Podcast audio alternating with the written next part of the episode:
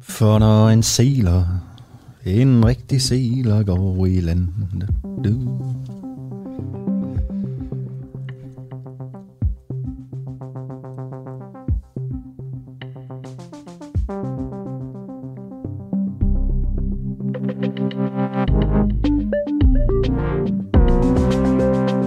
Så er det der blevet tid til en øh, uafhængig morgen. Det er ugens øh, sidste udgave. Klokken den er syv. Godmorgen og velkommen til. Det er ikke mere end et øh, par dage siden, at Dansk Pædiatrisk Selskab, en sammenslutning af børnelæger, foreslog, at vi diagnostiserer overvægt hos børn og unge som en kronisk sygdom. Spørgsmålet her til morgen er, skal vi kalde overvægtige børn kronisk syge? Meld ind i øh, debatten. Som altid, så fatter du din telefon og skriver DUA, D-U-A-H, laver et øh, mellemrum og skriver så din øh, besked øh, og sender den til 1245. Du kan også blande dig i øh, debatten i vores øh, Facebook-tråd under udsendelsen, hvis du sidder og livestreamer, eller du kan tagge os på Twitter, hvis du har mest lyst til øh, det. Lars Lykke Rasmussen, han er blevet vært på et program om Klaksvikstriden på Danmarks Radio. Øh, og det er jo en lille smule interessant. Det er det jo altid, når folk i det politiske parnas bliver værter, især når de stadigvæk er politisk aktive. Øh, Lars Løkke Rasmussen er jo lige nu i en situation, hvor han øh, netop har startet sit nye politiske projekt. Det, der har været det politiske mødested, er blevet til Moderaterne, som ifølge Lars Løkke Rasmussen gerne skulle blive til et øh, parti, der gerne kan komme i øh, Folketinget. Øh, og det er jo lidt sjovt, at det jeg vælger at gøre ham øh, til vært netop nu, ikke? Fordi øh, han er afhængig af at skulle ud og samle vælgererklæringer. Øh, det er sådan en rimelig crucial tid øh, for Lars Løkke Rasmussens parti. Øh, og så sætter DR ham på som, som vært i primetime. Vi vil gerne have talt med Danmarks Radio om, om de ikke har et ansvar for at frame en politiker som Lars Løkke Rasmussen, når man sætter ham på som vært i sådan en primetime-udsendelse. De har ikke vil stille op til interview, men de har givet et skriftligt svar, og det læser jeg op om ikke så længe her i en uafhængig morgen, hvor vi også om Øh, 10 minutters tid følger op på anden dagen i retssagen mod Morten øh, Messerschmidt. Øh, det var jo anden retsdag i går øh, ved retten i Lyngby. Vi har Louise Dalsgaard med til at fortælle, hvad der øh, kom frem der. Og så har vi altså også lidt af et øh, scoop til jer øh, den her morgen. Det har nemlig lykkedes os at få fat i en tolk, der har arbejdet for USA. Øh, hele den her uge i en uafhængig morgen har vi jo talt rigtig meget om, hvorvidt Danmark skal hjælpe de afghanske tolke, der har hjulpet Danmark under krigen i Afghanistan. Øh, Taliban vinder jo frem netop nu i øh, Afghanistan, og det betyder også, at de her tolke, som har hjulpet Danmark, jo er i en øh, særlig fare for at ja, miste livet øh, decideret. Vi har fundet frem til en øh, afghansk tolk, som har arbejdet for USA's militær, og han fortæller lidt om situationen i Afghanistan, og selvfølgelig også lidt om, øh, hvordan han er øh, blevet hjulpet, og hvordan han øh, klarer sig i et dag. Det gør han om cirka en halv times øh, tid. Det her, det er en øh, uafhængig morgen. Jeg hedder Alexander Vils Norensen. Klokken er 3 minutter over syv. Godmorgen og velkommen til.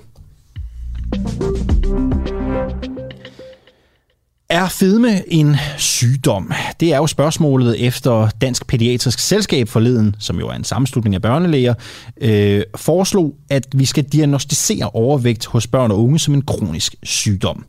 Formanden i udvalget siger, at svær overvægt er blandt de største trusler mod børn og unges helbred, og at diagnosen kan forebygge problemer og bekæmpe social stigmatisering. Men en person er uenig. Professor emeritus og fedmeforsker ved Københavns Universitet, Torkild Sørensen.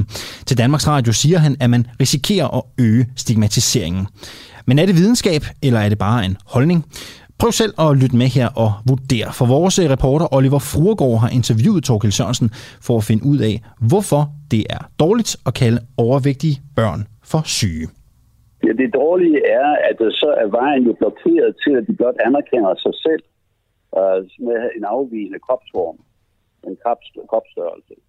Ikke? De, så går de rundt kronisk, og deres forældre og også deres søskende og deres venner og bekendte, at det stakkels barn er jo sygt. Uh, og det ser jeg ikke nødvendigvis noget positivt i. Uh, tværtimod, det kan give sådan en, uh, en, uh, en hvad skal man sige, en, en oplevelse af at, at, at på anden måde end at være specielt ud over at være afvigende kropsstørrelse og kropsform. Mm. Så er man oven i købet syg. Og, og, og, og, og, normalt så plejer vi jo ikke at opfatte det som gavnligt at være syg i det hele taget. øh, det, er jo, det lyder som om, at det er en øh, det er også en holdning et eller andet sted. For mig, det kan godt være, at jeg tager fejl, men for mig lyder det som, en, som et, et spørgsmål om temperament og holdning, det her med, er det godt at blive, du ved, skal man acceptere, kan man kalde det en afvi, afvigende kropsform man acceptere det, eller skal man kalde det en sygdom? Altså, har du noget dokumentation på det, du siger her med, at det er dårligt at få diagnosen, at det har negative konsekvenser for vedkommende? Er der noget dokumentation på det, du kan læne dig op af?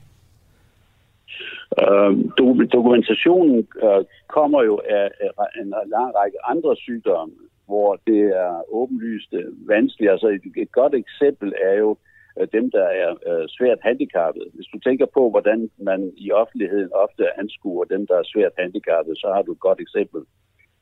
På, på vi, ved det, vi ved det jo ikke konkret endnu for de overvægt, svært overvægtige børn, hvis det i skoleklasserne og så videre hedder, at nu er de kronisk syge. Um, det, det, det må komme an på en prøve, hvordan effekterne er, men, men det er en bekymring, man har, at det kunne gå sådan. Uh, og øh, det er en bekymring, der har været diskuteret også internationalt igennem flere år, uh, at hvor gavnligt er det både for den enkelte selv, men også for samfundet. Uh, og der er jo den risiko, at de så begynder at blive behandlet på forskellige måder, som virkelig ikke gavner dem. Uh, I det man siger, okay, de er syge, vi må hellere behandle dem, men samlet set er der måske ikke nogen gevinst ved at behandle dem. Det er bare fordi, at de siger jo i Dansk Pædiatrisk Selskab, at hvis man anerkender det som en sygdom, så vil man også bekæmpe den sociale stigmatisering øh, af svær overvægt i samfundet, siger Øh, det siger Silius Esman her fra Dansk Pædiatrisk Selskab. Så du siger jo det modsatte. Altså, men hvem, hvem, hvem, hvem er har ret, kan man sige? Jeg siger ikke, at det nødvendigvis forstærker det. Jeg siger, at han kan ikke vide noget. Jeg kender udmærket den mm. omtalte person. Han, men, han, han kan ikke vide det. Altså, det er så udbredt med den sociale stigmatisering, så det er sådan set en hypotese, kan man sige. Det er en teori, han har om, at det må, det afhjælpe dette. Men er det mere, uh, end, en teori, er det mere end en hypotese at sige det modsatte? Altså når du siger, at det vil, stigma, det vil øge stigmatisering, hvis man for eksempel kalder det for en sygdom, det er jo også bare en hypotese, så vidt jeg kan høre på dig. Uh, det er en hypotese, at det kan gøre sådan. Det er fuldstændig rigtigt. Det er en hypotese, at det faktisk øger stigmatisering, og det giver en anden form for stigmatisering, nemlig den, vi kender for kronisk syge børn i det hele taget. Okay, så I fremstiller så, begge to hypoteser, som I ikke kan underbygge. Er det rigtigt forstået? Ja, du har, du har helt ret i, okay. at det ville være virkelig godt, hvis vi får lavet nogle grundige undersøgelser af det her. Man kan jo sige sådan her, børn og unge, som der er overvægtige og svært overvægtige, de oplever øh, mobning og social eksklusion. Altså stigmatisering ja, med andre ja. ord. Så vi har jo afprøvet det her med ikke at kalde dem syge. Og, og, og man kan sige, det har ikke afhjulpet stigmatisering. Og så, så, så, vil det være en dårlig, så vil det være en dårlig idé at kalde det en kronisk sygdom, og så afprøve om det måske som Dansk Pædiatrisk Selskab øh, stiller en hypotese op omkring, at det kan, det kan bekæmpe den sociale stigmatisering. Uh, jeg synes, det er rigtig fint, hvis de vil prøve at se, om det faktisk hjælper. Jeg tror ikke en døj på det, men det, det er så et valg, hvad man tror på i hypoteser. Hvis man kalder en tilstand for en sygdom, så ligger det jo i sagens natur, at uh, der er en forventning om, at den kan behandles. Og der er vi faktisk uh, vanskeligt stillet med hensyn til mulighederne for behandling. Og der sker jo så det, at uh, hvis øh, en patient får at vide, at de er syge og har en forventning om behandling, og der så ikke kan øh, rigtig tilbydes noget effektivt på lang sigt, ja, så optræder skuffelsen jo. Altså, så du siger, at der er tilfælde, hvor overvægt ikke kan behandles. Øh, kan du prøve at nævne et eksempel på ja, altså en overvægtig person, hvor man ikke kan ja, tabe sig? Det, det, der helt generelt gælder, det er, at man kan få stort set alle, både børn og unge og voksne, til at tabe i vægt. Men det store problem, som vi stadig kæmper med, det er, at øh, vægten efter måneder eller år, så stiger den op igen og kommer tilbage til udgangspunktet. Vi er fremme ved en forståelse af, at fedme er noget helt andet, end blot at have spist for meget og rørt sig for lidt. Det er ikke udelukkende et spørgsmål om kroppens energibalance, der foregår andet og mere dybliggende i den krop, der udvikler overvægt. At der er en lang række videnskabelige øh, studier, der peger på, at øh, selve processen at ophobe fedt ikke er øh, alene et spørgsmål om at spise for meget eller røre sig for lidt.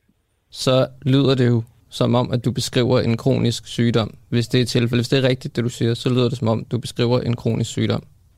Gør det ikke det? Øh, jeg vil ikke kalde det for en kronisk sygdom på den måde. Jeg vil kalde det for en tilstand, der gør, at vi er forskellige det ene menneske fra det andet, øh, fordi vores krop reagerer på de omgivelser, vi lever i øh, på forskellige vis.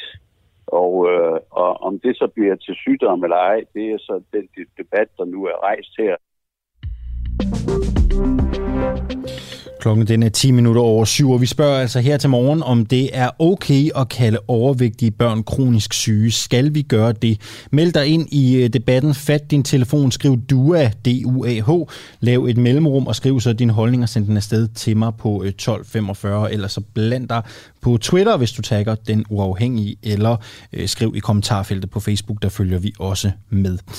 Vi beskæftiger os sjældent med sport her øh, på Den Uafhængige. Vi bliver alligevel nødt til i vores nyhedsoverblik i dag lige at runde en stor nyhed, som rigtig mange fodboldinteresserede sikkert er faldet over. Fordi torsdag aften i går, ja, der gik øh, det jo altså ud i offentligheden af Lionel Messi og FC Barcelona. De går hver til sit. Messi har spillet for Barcelona i øh, 20 år, siden han var 13. Førsteholdsdebuten fik han som 13-årig, som sagt. Lionel Messi og Barcelona, de har hele sommeren forhandlet om en ny kontrakt, der reelt udløb sidst i juni. Øh, klubben og dens præsident Juan Laporta har i hele perioden forsikret Barcelona-fans om, at der nok skulle findes en løsning. Faktisk så sent som i mandags udtrykte Laporta, at kontrakten ville komme i hus. Altså, vi gør alt, hvad vi kan, og det skrider fint frem. Leo ønsker at blive i Barcelona, og vi vil gøre alt, hvad vi kan for at holde ham, sagde han ifølge Reuters. Øh, klubben skriver ganske kortfattet nu på sin hjemmeside, at begge parter var enige om en aftale, men at såkaldte finansielle og strukturelle udfordringer i den spanske ligas regler gør, at kontrakten ikke er blevet til noget. Selvom FC Barcelona og Lionel Messi er blevet enige, og begge parter har en klar intention om at underskrive en ny kontrakt torsdag, ja, så kan det altså ikke lade sig gøre på grund af de her forhindringer, står der på øh, klubbens hjemmeside. Hvad der præcis er tale om for nogle udfordringer, det kommer øh, FC Barcelona ikke nærmere ind på, men ifølge flere kilder kan det altså have noget at gøre med FC Barcelonas nuværende lønbudget. Så en ægte legende er altså ude af FC Barcelonas stald. Videre til dansk politik, for i går fortsat straffesagen mod Dansk Folkepartis næstformand Morten Messerschmidt, som i retten i Lyngby er tiltalt for at svindle med knap 100.000 kroner af EU-midler og også tiltalt for dokumentfalsk. Godmorgen, Louise Dalsgaard. Godmorgen. Du er retsreporter og retsanalytiker hos Danmarks Radio, og så følger du jo den her øh, sag intenst. Øh, hvad skete der i øh, retten i går? I går så fik vi øh, den sidste del af Morten Messersmiths øh, forklaring. Øh, anklagerne de havde nogle spørgsmål, de ikke lige helt var færdige med. Og så fik forsvar Peter Trudsø også lov til at spørge ham ind til nogle ting. Blandt andet så ville han gerne hive en håndbog frem omkring sådan nogle regler for tildeling af europæiske støttekroner, hvor man kunne se, at der i artikel 9.3 stod, at man gerne må holde sådan nogle fælles arrangementer mellem et, øh, i det her tilfælde et dansk parti og så et europæisk parti, så længe man overholder forskellige retningslinjer, øh, blandt andet at øh, de europæiske støttekroner, de ikke er med til at finansiere den danske del af arrangementet. Og det, det her, den her håndbog hæver han frem, fordi det jo er et forsvar for, at det er okay at lave et øh, fælles event, som det hedder, hvor Dansk Folkeparti altså er en, den ene part og meldt af den anden part. Så derfor var det jo noget, der var vigtigt for ham at vise. Øhm, så hørte vi også fra et par vidner for første gang i går, den ene, det var sekretariatchef i Dansk Folkeparti, Janine Nørhave. Hun er central for historien eller for øh, sagen, fordi hun er den, som ender med at underskrive sig som hotelchef på en kontrakt, selvom hun i virkeligheden er ansat af Dansk Folkeparti. Og Janine Nørhave øh, skulle jo angiveligt have haft øh, følelserne ude på øh, tøjet i retten i øh, går. Hvad, hvad sagde Nørhave, som der var blevet spekuleret meget om i forhold til den her lidt mystiske underskrift? Ja, for hun underskriver sig altså som værende hotelchef i Skagen på et dokument, som ifølge bagmandspolitiet er, med, øh, er blevet brugt til at begå dokumentfalsk. Så det er jo i sig selv alvorligt, og derfor var hun også tydeligt berørt, da anklageren spurgte, hvordan hun havde haft det med den her sag. Hun sagde, at hele hendes verden var øh, brudt sammen dengang, hun fandt ud af, at hun havde underskrevet sig forkert. Hun forklarer, at hun slet ikke havde forstået, hvad det var, hun havde skrevet under på. I 2015, der var hun blevet opsøgt på sit kontor af Morten Messersmiths medarbejder nede i EU. Han fortalte, at hun skulle skrive under på det her dokument, fordi det var bare rent formalia. Det handlede om, at hun havde været øh, i kontakt med hotellet og været med til at arrangere det her møde i Skagen, hvor øh, Dansk Folkeparti parti og Meldt altså skulle have haft den her konference. Og hun sagde, at hun stolede på ham, derfor skrev hun under. Hun læste ikke øh, nærmere ned i, hvad hun egentlig skrev under på. Hun så sit navn og skrev under der, hvor hun skulle. Hun siger så også, at hun i øvrigt ikke er særlig øh, god til engelsk. Så da hun bliver kontaktet efter nogle år af politiet, ja, så bliver hun altså rigtig ked af det, siger hun, fordi hun har simpelthen ikke forstået, hvad hun har skrevet under på. Messerschmidt var jo øh, angiveligt på første retsdag en smule øh, presset til tider, eller han, han, han, han blev i hvert fald, som, som Anders Leonhardt på BT formulerede det i går, en smule øh, spids i, i kommentarerne, en smule, øh, jeg tror, småarrogant øh, var, var Leonhardts øh, beskrivelse, når han følte sig presset på første retsdag. Hvordan var formen hos Messerschmidt i retten i går?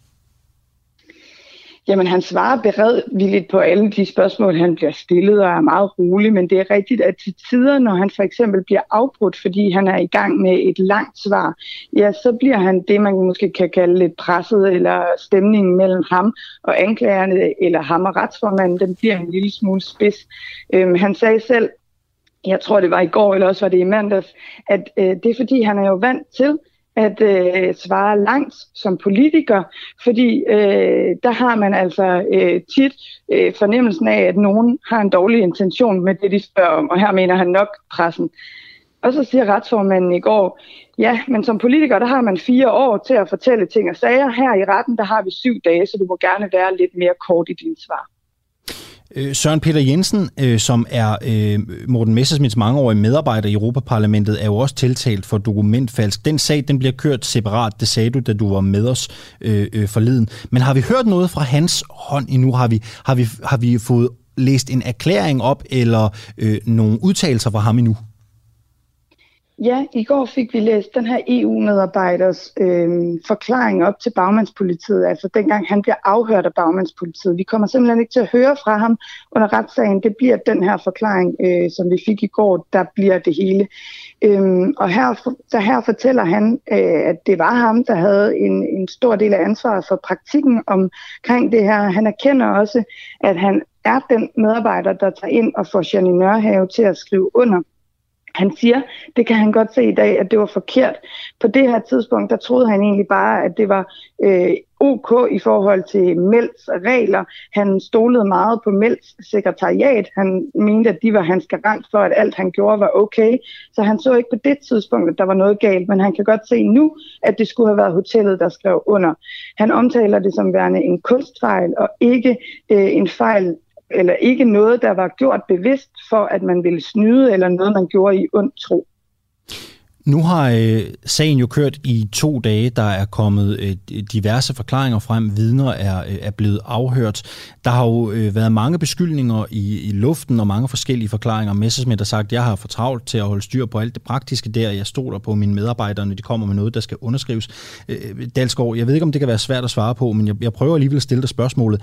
Er vi blevet klogere på, hvordan hele det her hænger sammen? Altså begynder der at tegne sig et, et, et tydeligt billede? Nej, der tror jeg, at vi alligevel er lidt for tidligt i øh, sagen til, at vi kan øh, sige det helt præcist. Altså, der mangler stadigvæk fem retsdage. Øh, vi mangler at få ført op mod 18 vidner. Vi fik på første dagen at vide, at der skulle øh, være 20 vidner, der skulle føres. I dag kommer vi formentlig til at høre fra en af de her generalsekretærer i netop meldt. Og det er altså også ret centralt for at vide, hvad kommer han til at sige? Fordi det er ham, både som EU-medarbejderen nævner, det er også ham, som øh, Morten Messerschmidt igen og igen nævner, som værende dem, der har det egentlige ansvar i EU. Og derfor så bliver det jo virkelig interessant, om den her EU eller den her meldsekretær kommer til at støtte øh, de forklaringer, som både EU-medarbejderen og Morten Messerschmidt er kommet med. Det interessante er, at vi faktisk ikke rigtig må få at vide, hvem vidnerne er. Vi har spurgt igen og igen til vidnelister i sagen, men dem vil anklagemyndigheden gerne holde meget tæt til kroppen. Med hvilken begrundelse? Så Jamen, vi får ikke rigtig nogen begrundelse for det andet, end at man måske kan være bekymret for, at de her vidner, de vil, øh, de vil blive presset eller kontaktet op til, at de skal give forklaring. Okay, Louise Dalsgaard, du er retsreporter for Danmarks Radio. God dag i øh, retten i dag, og tak skal du have, fordi du havde lyst til at være med her. Det var så lidt. Og vi bliver lidt i Danmarks Radio, ikke i øh, departementet for retsstof, men øh, derimod i øh, programafdelingen. For hvis... Øh, hvis du derude har øh, hang til sådan øh, gode øh, dokumentarer og godt historisk stof, så er du måske faldet over en serie om Klaksvig-striden på Danmarks Radio. En dokumentarrække, som har Lars Lykke Rasmussen som vært. Lars Lykke Rasmussen, Danmarks tidligere statsminister, og altså nu, ja, leder kan man vel godt kalde ham, af partiet Moderaterne, det der tidligere blev kendt som det politiske mødested. Vi vil jo rigtig gerne have talt med Danmarks Radio om deres bevæggrunde for at sætte øh, Lars Løkke Rasmussen på som vært. For lige nu er hans øh, politiske projekt jo et øh, temmelig essentielt sted. Ikke? De skal samle vælgererklæringer og se, om de kan blive opstillingsberettiget til øh, Folketinget. Så kan man jo spekulere i, øh, om ikke det at være vært på et øh, landsdækkende historisk øh, program kan være med til at generere lidt omtale, man ellers ikke havde fået. Det ville vi gerne spørge Danmarks Radio, hvilke overvejelser de har gjort sig om, men de har altså ikke haft lyst til at øh, medvirke. Til gengæld har de sendt os et øh, skriftligt svar, og det tænker jeg altså, jeg vil læse op for jer nu. De skriver, hej igen, den øh, uafhængige. Redaktøren for programmet, Charlotte Kyrup Mauritsen, har nu set på jeres henvendelse og svarer dertil følgende. Og nu læser jeg svaret op. Lars Løkke Rasmussen er valgt som fortæller i denne historiske DR2-serie, fordi han har indgående viden om Færøerne og kender til Klaksvik-striden i detaljer. Han kan samtidig give sagen ekstra perspektiv, da han som Danmarks tidligere statsminister har siddet som ansvarlig for rigsfællesskabet. Derudover er Lars Løkke Rasmussens kone Solrun Løkke Rasmussen færing, og hendes familie repræsenterer både separatister og nationalforfattere samt advokaten, der forsvarede oprørende fra Klaksvik i retten. Lars Løkke Rasmussen bidrager altså med faglig viden og indsigt om Klaksvik-striden, som han har indgående viden om, og det er udelukkende i den hensigt, han deltager i programmet. Derfor er der heller ikke på noget tidspunkt i programmet fokus på Lykke som politiker eller hans politiske projekt. Tidligere har DR også haft blandt andet politikerne Anders Fogh Rasmussen, Søren Pind og Morten Messerschmidt i værtroller øh, i for eksempel Langt fra Bruxelles på DR2 og P2-serien Messerschmidt i Operan. Så er Lars Løkke Rasmussen er fortæller i en historisk DR2-serie om Klaksvikstriden, er der i sig selv ikke noget usædvanligt i. I sidste ende er det dog altid en vurdering fra gang til gang ud fra det konkrete program og den konkrete person, når vi vælger værter og fortællere til vores tv-programmer. Og i dette konkrete tilfælde er vurderingen af Lars Løkke Rasmussen med hans mange faglige og personlige indsigter i Klaksvik-striden var den bedste formidler af netop dette emne. Udover Lars Løkke Rasmussen medvirker blandt andre også eksperter og forfattere fra både Danmark og Færøerne, som skal hjælpe med at fremkalde et kapitel af vores fælles historie. Blandt andet to af de fremmeste eksperter på Klaksvik-striden, Hans Andreas Sølvatter, professor i historie ved Færøernes Universitet, og Fred Asgaard, forfatter til flere bøger om Klaksvikstriden, der altså her taler om et program med historieformidling i centrum, skriver Danmarks Radio til den uafhængige. 23 minutter over syv er øh, klokken øh, blevet, og nu skal vi tale med Ditte Torsted. Hun bliver testet flere gange om ugen, selvom hun sandsynligvis er immun over for corona og derfor ikke behøver det. Hun fik corona i december, da der i Danmark blev registreret flere tusind smittede om dagen, og Danmark derfor igen lukket ned i julen. Ditte Torsteds problem er bare, at hun har en positiv kviktest og ikke en PCR-test fra dengang. For efter årsskiftet ændrede Sundhedsstyrelsen retningslinjer, så de anbefalinger, Ditte Torsted fik fra smitteopsporing dengang, forhindrer hende i dag i at få et coronapas på baggrund af immunitet. For for at få det, ja, så skal du altså også have en positiv PCR-test. Godmorgen, Ditte Darling Torsted. Godmorgen. Du er fysioterapeut og naturmediciner. Øh, prøv lige at tage os igennem dit forløb. Jamen ganske kort, så øh, blev min mand og jeg smittet i december. Og, øh, øh, og vores tre hjemmeboende øh, børn på det tidspunkt blev også øh, testet og var smittet. Vi blev testet med en kviktest og havde symptomer, så vi øh, blev bedt af smitteopsporing om at gå i cellulisolation, og vores børn blev jo så sat ind i PCR-test-porteføljen, øh, hvor man bliver testet på 4. og 6. dag. Øhm, og da vi var smittet og havde symptomer, så skulle vi bare gå hjem og selvisolere, hvilket vi selvfølgelig gjorde for ikke at øge smittetrykket øh, yderligere. Og da vi så kommer til det her øh, coronapas, jamen så opdager vi, at vores børn alle sammen har modtaget et, fordi de jo er PCR-testet, men min mand og jeg ikke har et. Øhm, og til at starte med tænker vi, nå herregud, det var kun tre måneder, så det er lige meget. Men så bliver det jo så udvidet til at vare øh, 6 måneder og 8 måneder og nu 12 måneder. Øhm, og, øh, og vi henvender os så først til, til Sundhedsstyrelsen, som siger, at vi bare skal henvende os til Falk og få dem til at rette øh, det indsendte materiale. Det kan Falk så ikke gøre på grund af gældende regler, så vi henvender os igen til, til, til hvad hedder det, SST, og, øhm, og, og, og de siger så, jamen, at det er der ikke noget at gøre ved, fordi nu er reglerne sådan, at man skal PCR-testes. Øhm, så det efterlader jo i hvert fald min mand og jeg i en situation, hvor at vi er nødsaget til for at kunne varetage vores arbejde og gå ud i, i sociale arrangementer, øh, at vi skal testes flere gange om, øh, om ugen, selvom vi faktisk er øh, og betragtes som, som immune. Og man kan sige, så kan vi tænke, at ja, herregud, det er bare os, men vi er jo ikke de eneste, der blev syge hen over øh, december. Og hvis man sådan kigger lidt nationaløkonomisk på det, så, øh, så anbefaler Sundhedsstyrelsen bare, at bare lade vaccinere, men de vacciner kunne blive brugt langt bedre på nogen, som faktisk ikke har været syge, som måske både var sårbare og udsatte, øh, plus den økonomiske belastning, det er for samfundet at smide en masse vacciner ud, som faktisk efter danske forskers øh, udsagn er ganske unødigt, hvis man har været smittet. Og så det her med at blive testet flere gange om ugen, man kan sige, en ting er, at det er en personlig irritation, men, ja, men altså, det, er det, det, det, det kunne jeg jo godt tænke mig at spørge dig om. Altså, hvor, hvorfor er det... Altså, du skal testes et par gange om ugen, det skal din mand også. Hvorfor er det et problem? Ja. Jamen, det er ikke noget problem for os. Jeg tænker mere samfundsøkonomisk. Jeg tænker, vi kommer ikke ud af denne her krise, mm. uden at det kommer til at koste os en betydelig masse penge. Det ved jeg både som, som, mm. ja, som, Hvad kommer det til at koste? som erhvervsdrivende.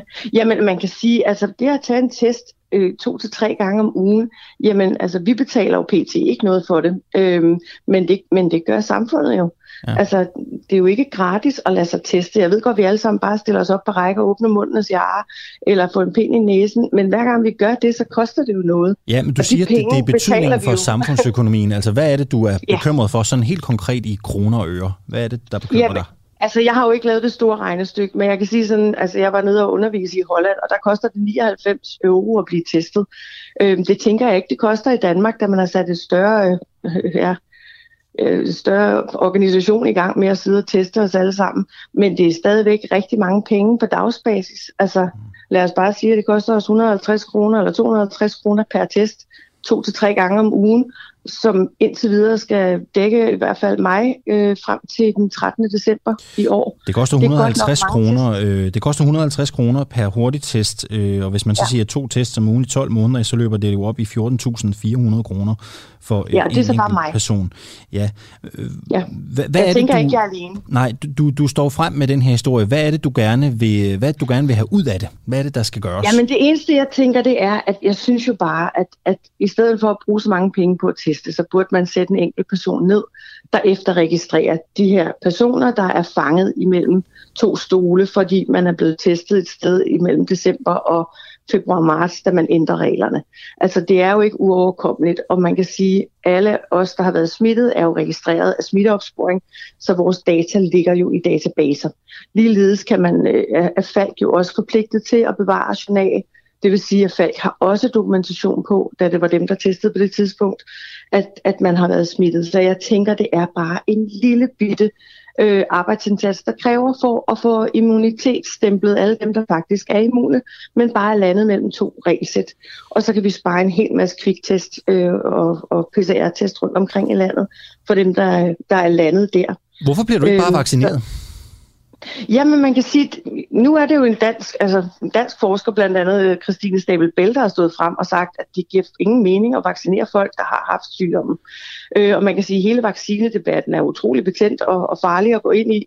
Men man kan sige, jeg Men synes man kan jo, jo godt vaccine... blive smittet med corona igen. Det ser vi jo, øh, det har vi jo hørt om før, at folk bliver smittet igen øh, senere, selvom man har haft det. Det er jo sket for, for sygeplejersker blandt andet. Øh, Ja. Det, der, er vel også, der, er vel også, der er vel også noget med at tage ansvar over for øh, den resterende del af befolkningen ved at tage en vaccine. Helt sikkert, men man kan jo se nu både på de engelske statistikker og de amerikanske statistikker, at at, øh, at der er en meget, meget høj smitteprocent blandt vaccinerede. Og man, altså, så, så, så nogle gange skal man også lige tænke på, at når man lægger sit øh, helbred et sted hen, der hedder øh, vacciner, i stedet for at tage ansvar for sit eget helbred og sige, jeg styrker mit immunforsvar, jeg øh, har været smittet, jeg opfører mig ansvarligt i samfundet, holder afstand, jeg spætter af, jeg bruger mundbind der, hvor det er påkrævet. Altså, så gør man jo allerede noget samfundsansvarligt. Tror du ikke på vaccination? Øh, altså, det, jo, jeg tror på vaccination langt hen ad vejen mm. øh, til de ting, det er gode Men ikke den her, eller hvad? Også, Jamen det ved jeg ikke, fordi når jeg går ind og læser på Lægemiddelstyrelsens hjemmeside, så står der jo, at det er en eksperimentel vaccine, øh, der stadigvæk er under test, øh, og det er et forsøg, man er med i. Og der tænker jeg, der tror jeg bare, at jeg er bedre stillet som smittet, end jeg er ved at være med i et forsøg. Mm. Og min hvad baserer du det på? Hvad, hvad baserer du det på? Hvad baserer du det på, at, at du er bedre stillet som smittet, end at tage en vaccine? Jamen det kan jeg jo bare se ved, at der er så mange, der er blevet vaccineret, som får sygdommen nu, hvor jeg tænker, jeg har haft den. Og så vil jeg sige, at jeg har en stor tiltro til, til immunforsvaret og det danske sundhedsvæsen. Hvis det er, der skulle gå noget frygteligt galt, så, øh, så ved jeg jo, at de nok skal klare skærene. Og så vil jeg sige, at nu er den sårbare og den ældre del af befolkningen jo vaccineret, så man kan sige, at dem, der er tilbage, burde jo være dem, der kunne tåle at blive syge. Mm. Så du, du kommer ikke til Hvis at tage vaccinen? vaccinen? Du kommer ikke altså til at tage ikke på nuværende tidspunkt, men det er på grund af min personlige historik i forhold til min sygdomshistorik, at der er det ikke umiddelbart øh, anbefalesværdigt at deltage i eksperimentelt vaccineforsøg. Hvad tænker du egentlig om, altså... Øh når man har sådan en, en, øh, en verdensomspændende pandemi som den her, så er der jo mange, der ikke har en sundhedsvidenskabelig baggrund, der går ud og taler om, hvorvidt man skal vaccineres, eller man ikke skal vaccineres, eller hvad der er op og ned. Hvordan har du det med, at så mange øh, almene stemmer blander sig i, i, i den debat? Altså, jeg, jeg synes, man skal, man skal kigge til forskerne, og der er jo forskere på begge sider. Jeg synes altid lige meget, hvilken beslutning man skal tage, så skal man sætte sig grundigt ind i både for og imod, og så skal man tage den beslutning, der svarer overens med, med den, man er. Øhm, og tænke på, at, øh, at jo flere man sådan, øh, ja, tænker, tænker sig godt om, jamen, jo bedre kommer vi ud af det her. Og jeg kan ikke se nogen problemer i, at, at der er nogen, der på grund af, af sygdom eller andet til eller fravælger vaccinen. Det synes jeg er et meget personligt valg. Men jeg synes helt klart, at man skal lytte til de forskere, der er på begge sider. Fordi der er jo forskere, øh, der står på hver sin side. Og der er jo ikke nogen, der, der underkender, i hvert fald ikke af de forskere, der er her i Danmark, at vi snakker om, at der er en pandemi, og vi skal gøre noget. De er bare meget uenige om, hvad der skal gøres, og indtil de når til en større overensstemmelse, så vil jeg gerne afvente og se sagde Ditte Darling Torsted, der altså er fysioterapeut og naturmediciner. Vi taler om øh, det her med Peter Velblom fra Enhedslisten. Det gør vi om cirka 20 minutter. Og nu skal I få noget af et scoop her i en øh, uafhængig morgen. For en tidligere afghansk tolk, der har arbejdet som tolk for USA's militær, advarer her på den uafhængige kraftigt udenrigsminister Jeppe Kofod om, at det kan få fatale følger, hvis han ikke skrider til handling, og for de afghanere, der har arbejdet for Danmark på den danske ambassade i Kabul i sikkerhed. Shia Gafuri, der arbejdede som tolk for USA fra 2002 til 2016, peger ligesom flere partier i Folketinget på, at afghanerne som følge af deres arbejde for Danmark er i overhængende fare for at blive forfulgt og slået ihjel af Taliban, der vinder terræn i landet. Derfor skal de hurtigst muligt tilbydes dansk visum og evakueres. Det mener enhedslisten, SF samt konservative, som vi snakkede med tidligere på ugen i form af Kasper Stefani. Min kollega Clara Vind har talt med afghanske Shia Ghafouri, der gennem sin organisation Interpreting Freedom Foundation dagligt har kontakt til afghanere, der har arbejdet for de vestlige lande, der i 2001 gik i krig mod Taliban i Afghanistan. Ghafouri har et klart budskab til Jeppe Kofod. Hvis Danmark ikke hjælper dem, kan det have fatale konsekvenser. Why did you choose to leave Afghanistan? Uh, the day that I left Afghanistan, because the situation in Afghanistan was not good. And the Taliban were treating treating like every single interpreter and Afghan allies that they work with the NATO and 42 countries. And the situation with Taliban, how was that at the time? So when I was working with the uh, U.S. military, with the U.S. Army and U.S. Army Special Forces, so that was the reason my family life was in danger. So I wouldn't care about myself. So I was thinking about my children and my family because they were living down there and they couldn't able to even go to school because of the Taliban. So they had some activity in downtown Kabul, so in the capital of Afghanistan. So I don't want my kids. I don't want it that they uh, kidnap my kids or something happened with them. So that was the reason I left Afghanistan, and I was receiving trade from my family was receiving trade from these Taliban and Al Qaeda, and that was the reason I left Afghanistan in 2014. If you leave uh, U.S. Army, if you don't help them, so you will be good. Otherwise, we're gonna kill you and kill your families.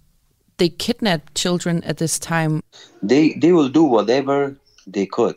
They could, if they could kidnap, they will do it. If they're going to uh, kill a child right away over there, they could do it. Mm, Especially right now, it is getting worse. Like right now, it's very bad situation in Kabul city. How is it worse now compared to when when you worked and lived there? when I was working down there, so mm, that was not like like right now. I was good on that time, not like that bad that's right now. But I was like targeted by Taliban and Al Qaeda, like the top target that they were like the top leaders of the Taliban and Al Qaeda were there. So we were the one like putting my handcuff and asking all those questions that United States Special Forces were asking them. So I was sitting with them, with every single one of them when we were going to the villages. So I was talking to them face to face. And they knew like I'm one of their interpreters. Mm. Did they ever confront you when you were at work? Oh yeah, we uh, they were saying like I, if we catch you, we're gonna kill you, or anything.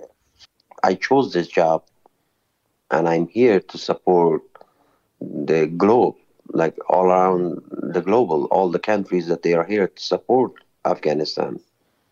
So that was my aim, and that was my goal to do it.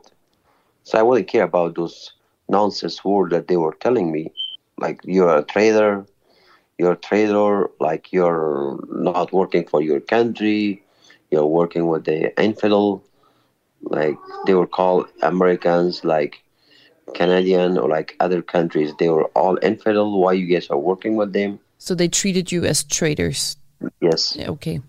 And did they ever kill some of your colleagues because they thought they were traitors? Yes, they we lost uh, from 2009 until now. We lost more than 300 of our friends and colleagues that we used to work.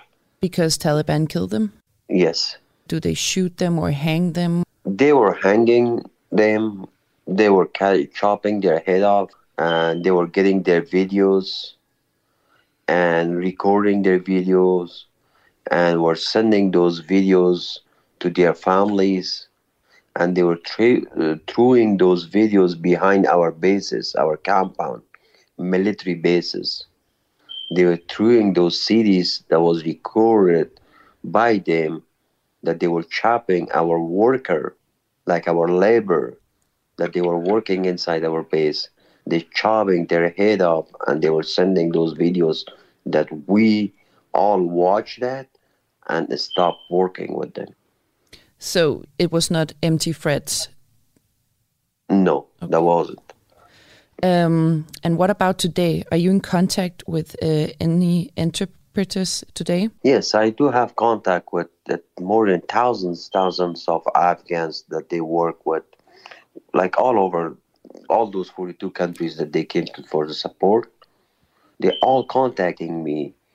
They because we have we, we have a non-profit organization to support all those interpreters that they work for the US, but they are calling me that how could we go to the other countries?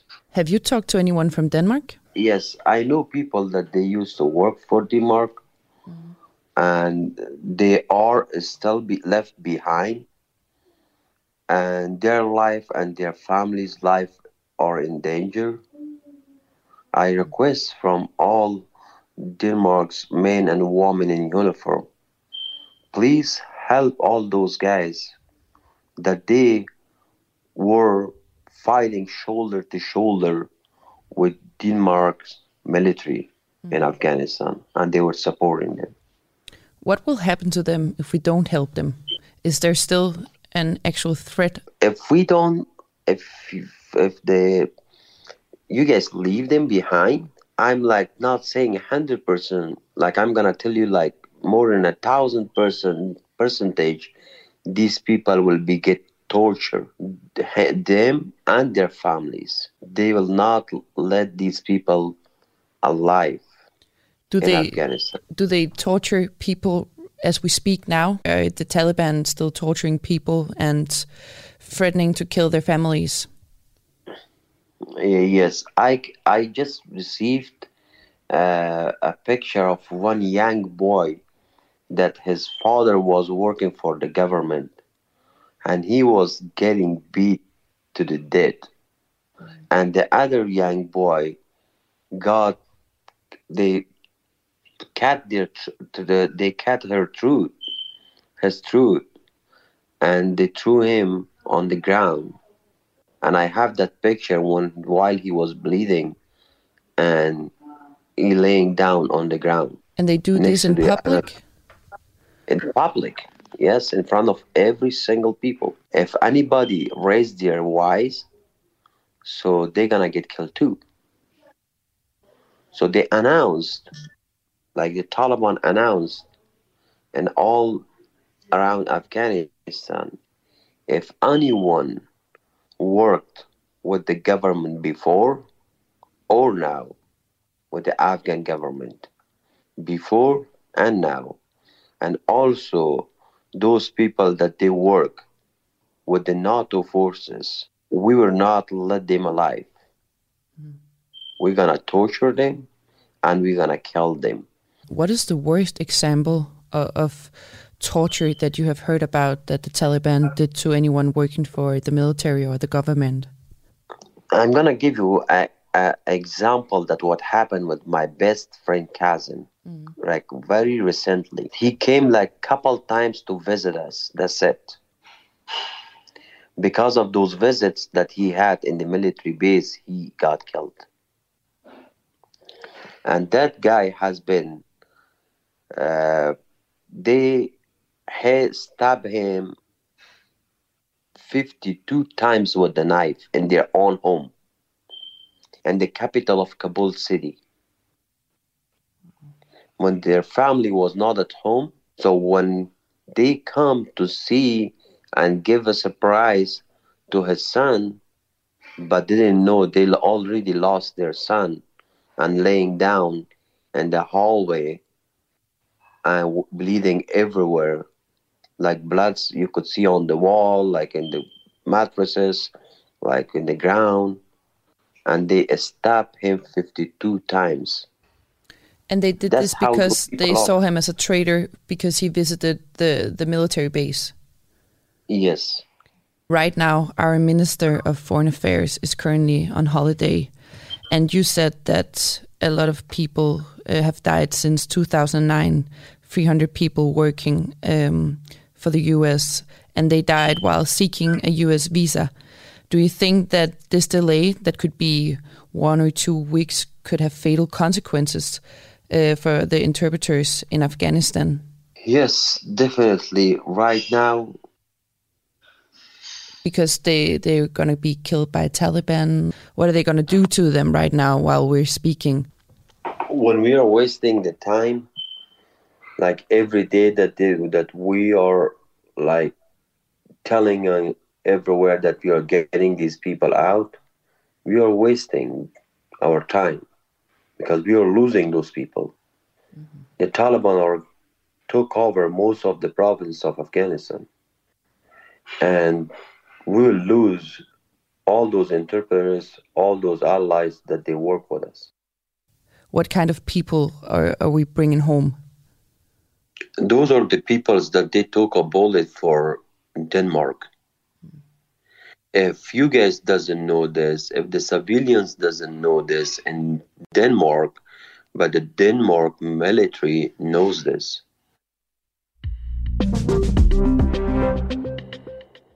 Den er kvart i 8. I over en måned har den kontroversielle fodboldtræner Peter Hyballa trukket overskrifter i landets aviser for sin mandskabsbehandling af spillerne på Esbjergs første hold i fodbold i Superligaen. Han er blandt andet blevet beskyldt for at være voldelig over for spillere og sprede frygt i klubben. Mens kritikken dagligt er havlet ned, øh, spillere er blevet degraderet eller er blevet løst fra deres kontrakter, og trænere har sagt op, så har klubbens ejer Paul Conway været nærmest iskold. Han har blandt andet sagt, at hvis spillerne er utilfredse, ja, så kan de jo finde sig en anden klub. Jeg har talt med Spillerforeningens formand Michael Sal Hansen, som har taget sagen videre til arbejdstilsynet, og jeg spurgte ham, hvad han helt konkret har fået berettet for spillerne i Esbjerg. Jamen, det har jo været et, et langt forløb, hvor at øh, spillerne har været i kontakt med vores spillerrådgiver, øh, og det er jo vigtigt her at pointere, øh, at, at det her med, at det har været et par enkelte spillere i truppen, der har været bannerfører for det her, det er, det er nonsens, selvom man har prøvet at få det til at, at fremstå sådan. Men det vi blev øh, fremlagt for, det var en, en, en adfærd øh, fra trænerens side, som var, var langt ude over det, som man øh, kan forvente, og, og uden sidestykke i forhold til, hvad vi har set faktisk. Hvad for en adfærd? Hvad, hvad, er det, de, hvad er det, de øh, henvender sig omkring spillerne? Hvad er det, de fremhæver, det de kontakter jer?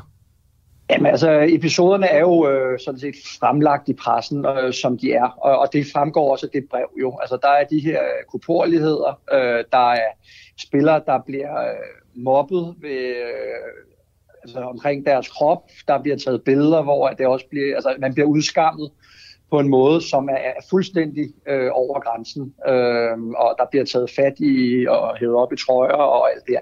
Så de sager, der sådan set er blevet skrevet i pressen, og som spillerne jo også efterfølgende det her brev har fremlagt, det er virkeligheden. Øhm, og det er heller ikke, som sagt, enkelte spillere. Der er jo også en, en lang række spillere her, øh, der har stået frem med det her. Ikke?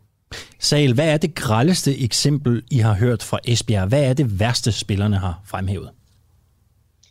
Jamen, der er flere ting. Altså, der er jo, øh, det, det er jo det hele omkring selve miljøet, og så er der jo enkelte spillere, der har, der har oplevet noget der. Men det er jo den her chikane og, og, og mobning, og så selvfølgelig de her, øh, nu siger jeg, kuporligheder, hvor at man har fået et, et klask og et dask, som, som ingen steder hører til. Øh, det her det er jo ikke et, et opmuntrende, nu siger vi klap på skulderen om, at nu skal vi ud. Altså, det er jo alt sammen fremført øh, i, en, øh, i, i, et, i et univers, som er ubehageligt og, og nedladende over for øh, aktørerne, altså spillerne. Men hvad er det værste, hvis du skal tænke tilbage på et eksempel, som særlig grad har fået dig til at ryste på hovedet? Hvad skulle det så være?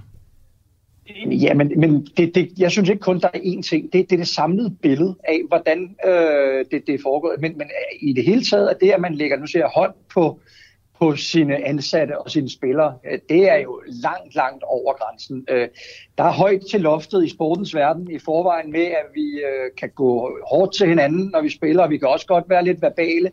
Øh, når, når, der, og det, altså, det er der jo plads til, øh, til træninger, så er man gode venner bagefter igen. Men, men det her med gentagende chikane-ting og, og og, og, og mobning omkring, altså spillere, der får at vide, de øh, for tykke, som har ganske almindelige kroppe øh, og, og fedtprocenter osv., og, og, og, og en telefon, der bliver fundet frem, der lige pludselig kan dokumentere det. Altså det er jo heller ikke en måde at, at gå til, til den analyse. Det gør man jo øh, meget mere videnskabeligt. Det kan en telefon jo ikke afgøre, om, om spillere er på den måde atletiske og, og fit nok til at spille. Altså det er, det, det er helt uden for nummer, øhm, og ikke noget, vi er vant til at se. Der er fodboldklubberne meget professionelle i, hvordan de vurderer den her slags, øhm, og, og det har vi ikke oplevet anderledes. Ja, fordi øh, det, det, det synes jeg jo også er lidt spændende. De her sager, vi hører om i Esbjerg, alt den her øh, utilfredshed, der har været omkring Peter Hyballa, har I i Spillerforeningen nogensinde hørt lignende fra andre danske fodboldklubber? Nej, det har vi ikke. Øh, I hvert fald ikke øh, i, i den tid, jeg har været. Både i, nu har jeg været i Spillerforeningen omkring et år, men, men jeg har jo også øh, arbejdet tæt, da jeg var i håndboldspillerforeningen med Spillerforeningen, så jeg har ikke hørt om, om noget af det her tidligere. Så, så det har jeg ikke. Altså de danske fodboldklubber gør det rigtig, rigtig godt, og vi har en, en overenskomst, der sætter rammerne for, hvordan øh, vi kan arbejde, og hvordan man kan træne osv.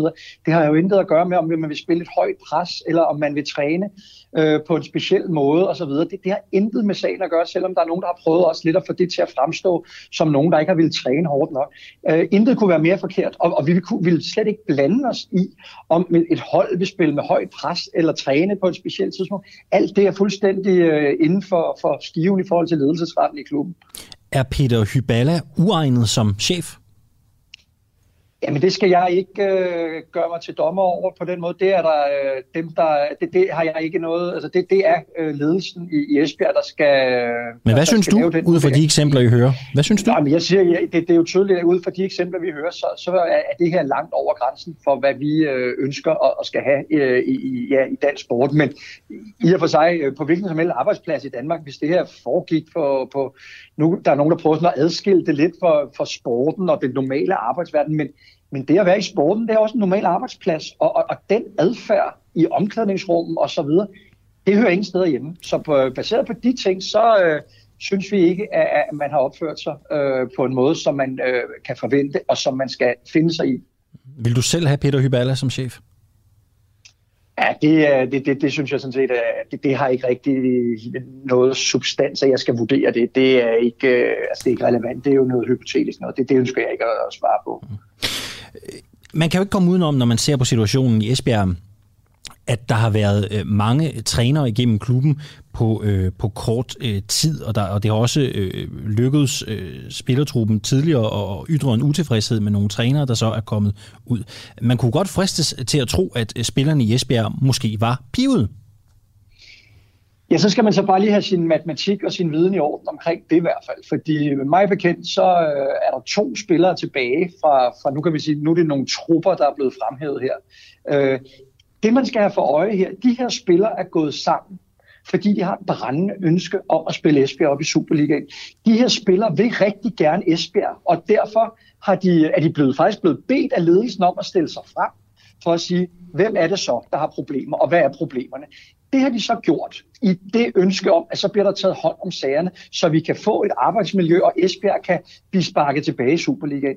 Nej, det, men det, der så sker der, det er, at derfra bliver de så kaldt uprofessionelle og, og i bund og grund brændemærket øh, i forhold til, og, og derfor oplever nu se chikane, og, og, og man bliver sat holdet og, og smidt helt ud af truppen på baggrund af, af, at man har egentlig givet sin mening til kende, som man ellers blev bedt om det, det, det er fuldstændig uden for nummer. Øh, så, så det her med, at fortiden øh, skulle gøre, at man ikke i dag kan råbe op om noget, der er så gralt. Altså det, er, det, det, det svarer til, at en kone, øh, hvis hun får et par på hovedet sin mand, en gang og melder det til politiet, så, så kan hun, så, så, hvis hun får en en anden gang, så kan hun heller ikke øh, ringe til politiet og sige det. Det, det, er jo, det er jo nonsens, at man skal på den måde hæfte for, nu ser jeg fortiden. Det, øh, det, det giver ingen mening i min øh, kontekst, at man ikke kan råbe op om det her, fordi spillerne vil Esbjerg, og de vil sparke Esbjerg derop, hvor man føler, de hører til. Hvad skal konsekvensen være, øh, set med jeres øjne, hvis, hvis det her viser sig at være en, en sag, og der bliver, der bliver truffet en, en, en afgørelse? Hvad bør konsekvensen være? Jamen altså, øh, det er jo op til ledelsen i klubben at vurdere, hvad konsekvensen skal være over. Nu, nu sidder vi og taler om træneren, men, men der er jo også en masse mennesker her, der står på mål for adfærden. Øh, det har vi jo også kunne øh, se i pressen. Til at starte med blev alle de her historier lige pludselig sådan fra, at formand i rette satte træneren og sagde, nu har vi talt med ham om hans adfærd, det er ikke okay, og vi lærer noget nyt i Danmark. Lige pludselig hed det så så, at øh, jamen, hvad er det for nogle sager? Giv mig navnene, blev der sagt i onsite. Øh, hvad er det? Så stillede spillerne sig frem og, og sagde, jamen det er os, der har enten oplevet det eller været vidner til det. Og derfra så blev de så kaldt uprofessionelle. Og, og, og historien om, at det var enkelte spillere, der stod bag, øh, er også nonsens. Så straffen, eller hvad det end skal være, jamen det er op til klubbens ledelse at finde ud af, hvordan det skal være. Øh, og, og så øh, er det inden for deres skive at vurdere det. det er jo ikke, vi kan jo ikke som spillerforening eller noget øh, udstede straffe eller noget. Vi kan fremlægge ting, som det er, og det er det, der er gjort. Og så øh, er det ledelsens øh, opgave at sørge for at bringe det i orden, øh, og sørge for, at arbejdsmiljøet er i orden. Der har været rigtig mange, øh, det kan vi jo godt være ærlige at sige, grælde eksempler på, hvordan øh, ledelsesretten den er blevet udøvet i øh, Esbjerg. Der er jo også fire spillere, der er blevet degraderet, kan man sige. Ikke? De er blevet flyttet over på, øh, på, ungdoms, øh, på ungdomsholdet. Øh, jeg, er lidt, øh, jeg er lidt nysgerrig i sal, fordi... Øh, Hvor går grænsen egentlig for, hvad man kan sige, der er acceptabel adfærd for en leder i en fodboldklub, og, og hvor går man over grænsen? Hvis vi nu prøver at tage fat i det her eksempel med, at, at, at Hybala har talt, øh, man kan vel sige, at han har fatshamed øh, nogle spillere, altså talt grimt om deres krop, selvom den måske ikke umiddelbart fejlede noget. Øh, hvis han nu bare havde gjort det, havde det været sag nok til at rette en øh, klage mod arbejdstilsynet? Det, man skal have for øje her, det er, at øh, inden alt det her, det er også endte i pressen, og inden det endte hos Arbejdstilsynet, så har vi jo haft en snak med øh, Brian Knudsen også i, øh, i ledelsen, øh, og vi har haft øh, Lars Vind med på det her møde. Der har også været et møde med, med ledelsen og med træneren også, hvor Spillerforeningen har fortalt, at den her adfærd, blandt andet det, du fremhæver her, den er overstregen. Og det er ikke en måde, som man agerer på på en dansk arbejdsplads. Det har vi så ikke oplevet, at man har taget øh, alvorligt. Spillerne har ikke følt sig hørt. Der gik otte mand på kontoret efterfølgende også og sagde igen, hvad de havde oplevet, både til direktøren og også til Conway. De blev igen negligeret øh, osv. Og det er jo derfor, at det så er endt med, at vi har måttet gå til arbejdstilsynet. Så øh, ja, altså en hver form for nu siger vi fatshaming og, og sådan noget her, det er da ikke acceptabelt. Øh, det er det hverken på øh, en, en, nu skal vi, hvis vi skal bruge de der mærkelige termer, en almindelig arbejdsplads, men det er det så sandelig heller ikke i sporten. Men derfor kan du godt øh, ordne tingene på en ordentlig måde, og, og du lægger nogle programmer for, hvordan og hvorledes skal vi bringe spillerne i form og, og træne hårdt. Alt det er inden for skiven. Man skal bare snakke øh, og behandle spillere ordentligt, uanset om de dyrker fodbold, håndbold, dart eller sidder på et kontor. Hvis man blev testet positiv for corona med en hurtig test eller en antigentest i vinteren 2020, skulle man søge direkte i isolation uden krav eller anbefaling om at få hurtigtesten valideret efterfølgende med en PCR-test. I dag kan man ikke få et immun coronapas, hvis man ikke kan fremvise smitte med en PCR-test. Det hørte vi Ditte Darling sige for et øjeblik siden. Peter Velblund, du er sundhedsordfører for Enhedslisten. Godmorgen. Vil du Godmorgen. tilbyde antistoftest, så vi ikke spilder penge på måske tusindvis af tests på immune? Nej, altså jeg synes jo, det er, det er jo selvfølgelig en, en ret uheldig situation, øh, i, vi hører om her i det konkrete eksempel, øh, men det er, er jo også udtryk for altså blandt andet noget af den skepsis, vi har haft i forhold til coronapasset, øh, at, øh, men, men der må vi jo bare konstatere, at der bliver coronapasset også udfaset her frem mod, mod september mm. måned, men, men jeg synes bare, det er vigtigt også at huske på, at øh, altså en antigen-test er ikke nogen øh, særlig sikker test. Altså der, hvor antigen-testen har øh, sin, sin styrke, det er jo i forhold til, hvis folk gentagende gange øh, lader sig teste, fordi så får man en vis sikkerhed for, at man ikke er smittet. Men, men som, et, et, øh, som en enkeltstående test er det jo ikke nogen særlig sikker metode til at, at påvise, om folk er smittet så, så, eller ej. Så folk som Ditte Darling, der kun har fået taget mm. den her kviktest og ikke har fået den valideret med en PCR-test, har de handlet mod øh, bedre vidne, eftersom de står i den situation, de står i i dag? Nej, nej. Det har, det har de jo ikke, fordi øh, på daværende tidspunkt var anbefalingen jo netop ikke, at, øh, at man skulle tage en PCR-test, men, men det mener jeg, det, det var en fejl, og det er jo så også efterfølgende blevet rettet, sådan at øh, men nu, hvis man bliver testet positiv ved en antigen-test, så skal man efterfølgende PCR-testes, fordi der er sikkerheden langt større. Øh, og, og det er derfor, jeg synes også, det er, det er selvfølgelig en uheldig situation, de er havnet i, fordi på daværende tidspunkt, der var anbefalingerne anderledes. Det ændrer bare ikke på, at en antigen-test i sig selv øh, giver ikke et særligt sikkert billede på, om du hverken er smittet eller ikke smittet, hvis det står som et enkeltstående øh, test. Men hvad skal vi så gøre for de her borgere, som Ditte Darling, som måske ikke af den ene eller den anden grund har lyst til at blive vaccineret, men, men som alligevel oplever, at selvom de har haft corona, så skal de ned og have en test de her to-tre gange om ugen. Hvad skal vi gøre for dem, hvis overhovedet noget? Jamen spørgsmålet er, hvor meget man kan gøre. Altså nu kan man sige, nu er vi jo i gang med at udfase øh, coronapasset samtidig med, at øh, vaccinationerne bliver rullet ud. Så der er jo muligheden for at blive øh, vaccineret. Øh, og samtidig så bliver coronapasset udfaset her i løbet af september måned, fordi tilslutningen til vaccinationsprogrammet heldigvis øh, er rigtig, rigtig høj. Øh, og det betyder også, at der vil, øh, vi vil få en ret stor immunitet i, øh, i befolkningen generelt.